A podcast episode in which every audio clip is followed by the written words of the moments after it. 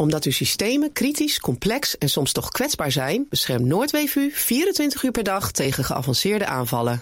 Ga voor meer cyberresilience naar noordweef.nl. BNR Nieuwsradio.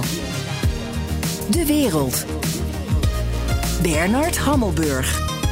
Dit is BNR De Wereld. Mijn gast is kolonel Han Bouwmeester, universitair hoofddocent militaire strategie aan de Nederlandse Defensieacademie. En ook inmiddels, ik zei het al, is aangeschoven Geert-Jan Haal, onze Europa-verslaggever. Geert-Jan, uh, eerste verkiezingen van het jaar in Europa staan voor de deur. Daarvoor gaan we naar Praag. En de oorlog is een heel heet hangijzer. Nogal ja, met een uh, verwachte opkomst van 84 procent. En dan denk je, wat voor dat is, dat is ongelooflijk... Noord-Korea. Bijna wel. Ja. Uh, dan denk je inderdaad, wat voor, wat, wat voor ongelooflijk spannende parlementsverkiezingen zijn dat. Nee, het gaat om presidentsverkiezingen, terwijl de president in Tsjechië vrij ceremonieel is. Dus er is wel wat aan de hand als je zoveel mensen naar de stembus weet te bewegen. En die enorme verwachte opkomst is grotendeels toe te schrijven aan de oorlog. Uh, de mensen hebben wat te kiezen. Ben je voor een onmiddellijk staakt het vuren en start van onderhandelingen uh, tussen Oekraïne en Rusland? Of ben je voor het voortzetten van de strijd? En op een groter, hoger niveau ben je voor of tegen Rusland? Ja. Um, beetje context bij het verhaal. Tsjechië heeft de laatste decennia toch wel een hele bijzondere relatie gehad met uh, Rusland.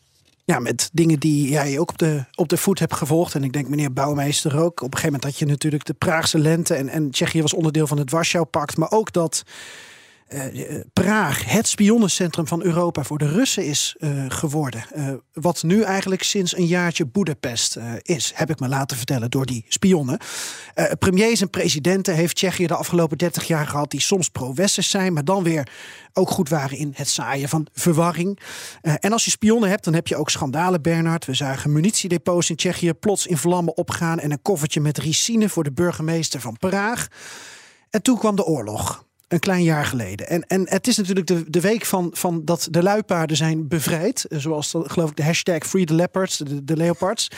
Uh, maar in april waren Slowakije en Tsjechië de eerste die al tanks richting Oekraïne stuurden. En toen kregen ze de Leopards van de Duitsers ter vervanging. Oké, okay. in, in Tsjechië houdt dus de kwestie van de oorlog het volk klaarblijkelijk zeer bezig. Ja. Hoe zit dat in de rest van Europa? Eigenlijk kun je stellen dat deze oorlog uh, enorme impact heeft op, op verkiezingen. Um, dat zagen we al in uh, Frankrijk bij de presidentsverkiezingen tussen Macron en Le Pen. Dat zagen we in Italië bij de parlementsverkiezingen. Onze collega Han-Dirk Hekking van het FD die schreef nog Poetin op het stembiljet in Italië. Want tussen Meloni en Berlusconi en uh, Salvini kon je eigenlijk vooral kiezen tussen ben je voor of tegen contacten met het Kremlin. En dan naar meer recente verkiezingen. Neem Letland bij de parlementsverkiezingen in oktober. Dan zie je ook een hoger uh, opkomstpercentage. En je ziet in Letland een afrekening met het verleden. Tsjechië in meer of mindere mate, uh, maar in Letland, uh, de winnaar van de verkiezingen vijf jaar terug, de Harmoniepartij, die stond daar voor de Russische minderheid in Letland. Die heeft niet eens de kiesdrempel gehaald bij de laatste verkiezingen. Er is afgerekend met het verleden. Ik ben dus ook heel benieuwd naar de deelstaatverkiezingen in Duitsland dit jaar, maar ook naar Oostenrijk.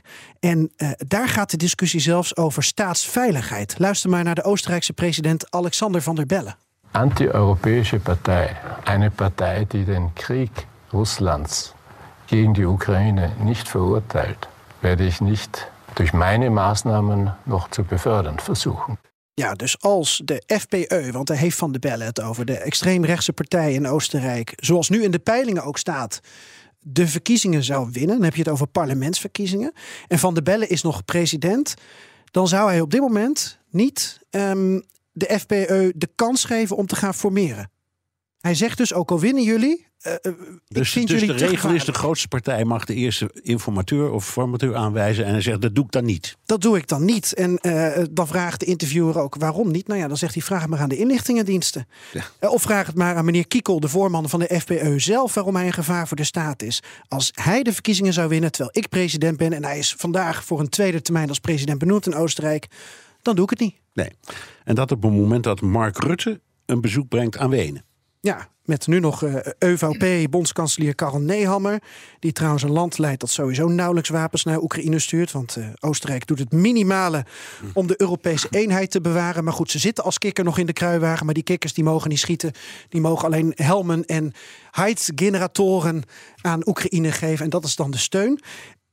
Eén kort dingetje nog over die verkiezingen in Tsjechië. Want uh, uh, zoals het er nu voor staat, uh, wordt de nieuwe president Petr Pavel. Dat is een oud-generaal. Dat is een soort kruising, als je naar zijn gezicht kijkt, tussen George Clooney en Peter Weininga. Ja. Met dat witte getrimde baardje en dat wat bruine gezicht. op wie je meer vindt lijken, dan moet je zelf maar even de foto opzoeken. maar Petr Pavel, dat was dus voorheen de Rob Bauer van de NAVO. Dit was de voorzitter van het NAVO Militair Comité. En hij heeft ook een paar jaar in Brunsum gezeten. Ja. Uh, bij het NAVO-hoofdkwartier. Dus als deze man uh, Tsjechië gaat leiden, dan, uh, dan weet hij in ieder geval alles van de, van even, de even terug naar Han Bouwmeester. hoe kijkt u hiernaar? Kent u die man? Nee, ik ken, ik ken hem niet. Nee, nee. Ja, goed. Uh, um, ik, ik, ik ben niet zo heel erg gericht op, op Tsjechië. Ik hoorde uh, Geert Jansen net een hele opzomming geven. Um, Tsjechië was ook een van de drie eerste voormalige Warschau-landen die toetraden tot de, tot de NAVO. Hè. Zij staken in, in 97 de vinger al op en in 99 zijn zij uit, uiteindelijk toegetreden. Maar ik wist niet dat er steeds zo'n wisselende stemming in dat land was. En uh, ja, je wilt toch een beetje een stabiele koers gaan varen, uh, wat dat dan gaat. Ja. Oké, dankjewel Geert-Jan. Wil je meer horen over die fascinerende verkiezingen in Tsjechië? Luister dan naar de laatste Perestrooikast omdat u nooit 100% veilig bent, helpt Noordweef u om altijd voorbereid te zijn op een digitale aanval. Ga voor meer cyberresilience naar noordweef.nl.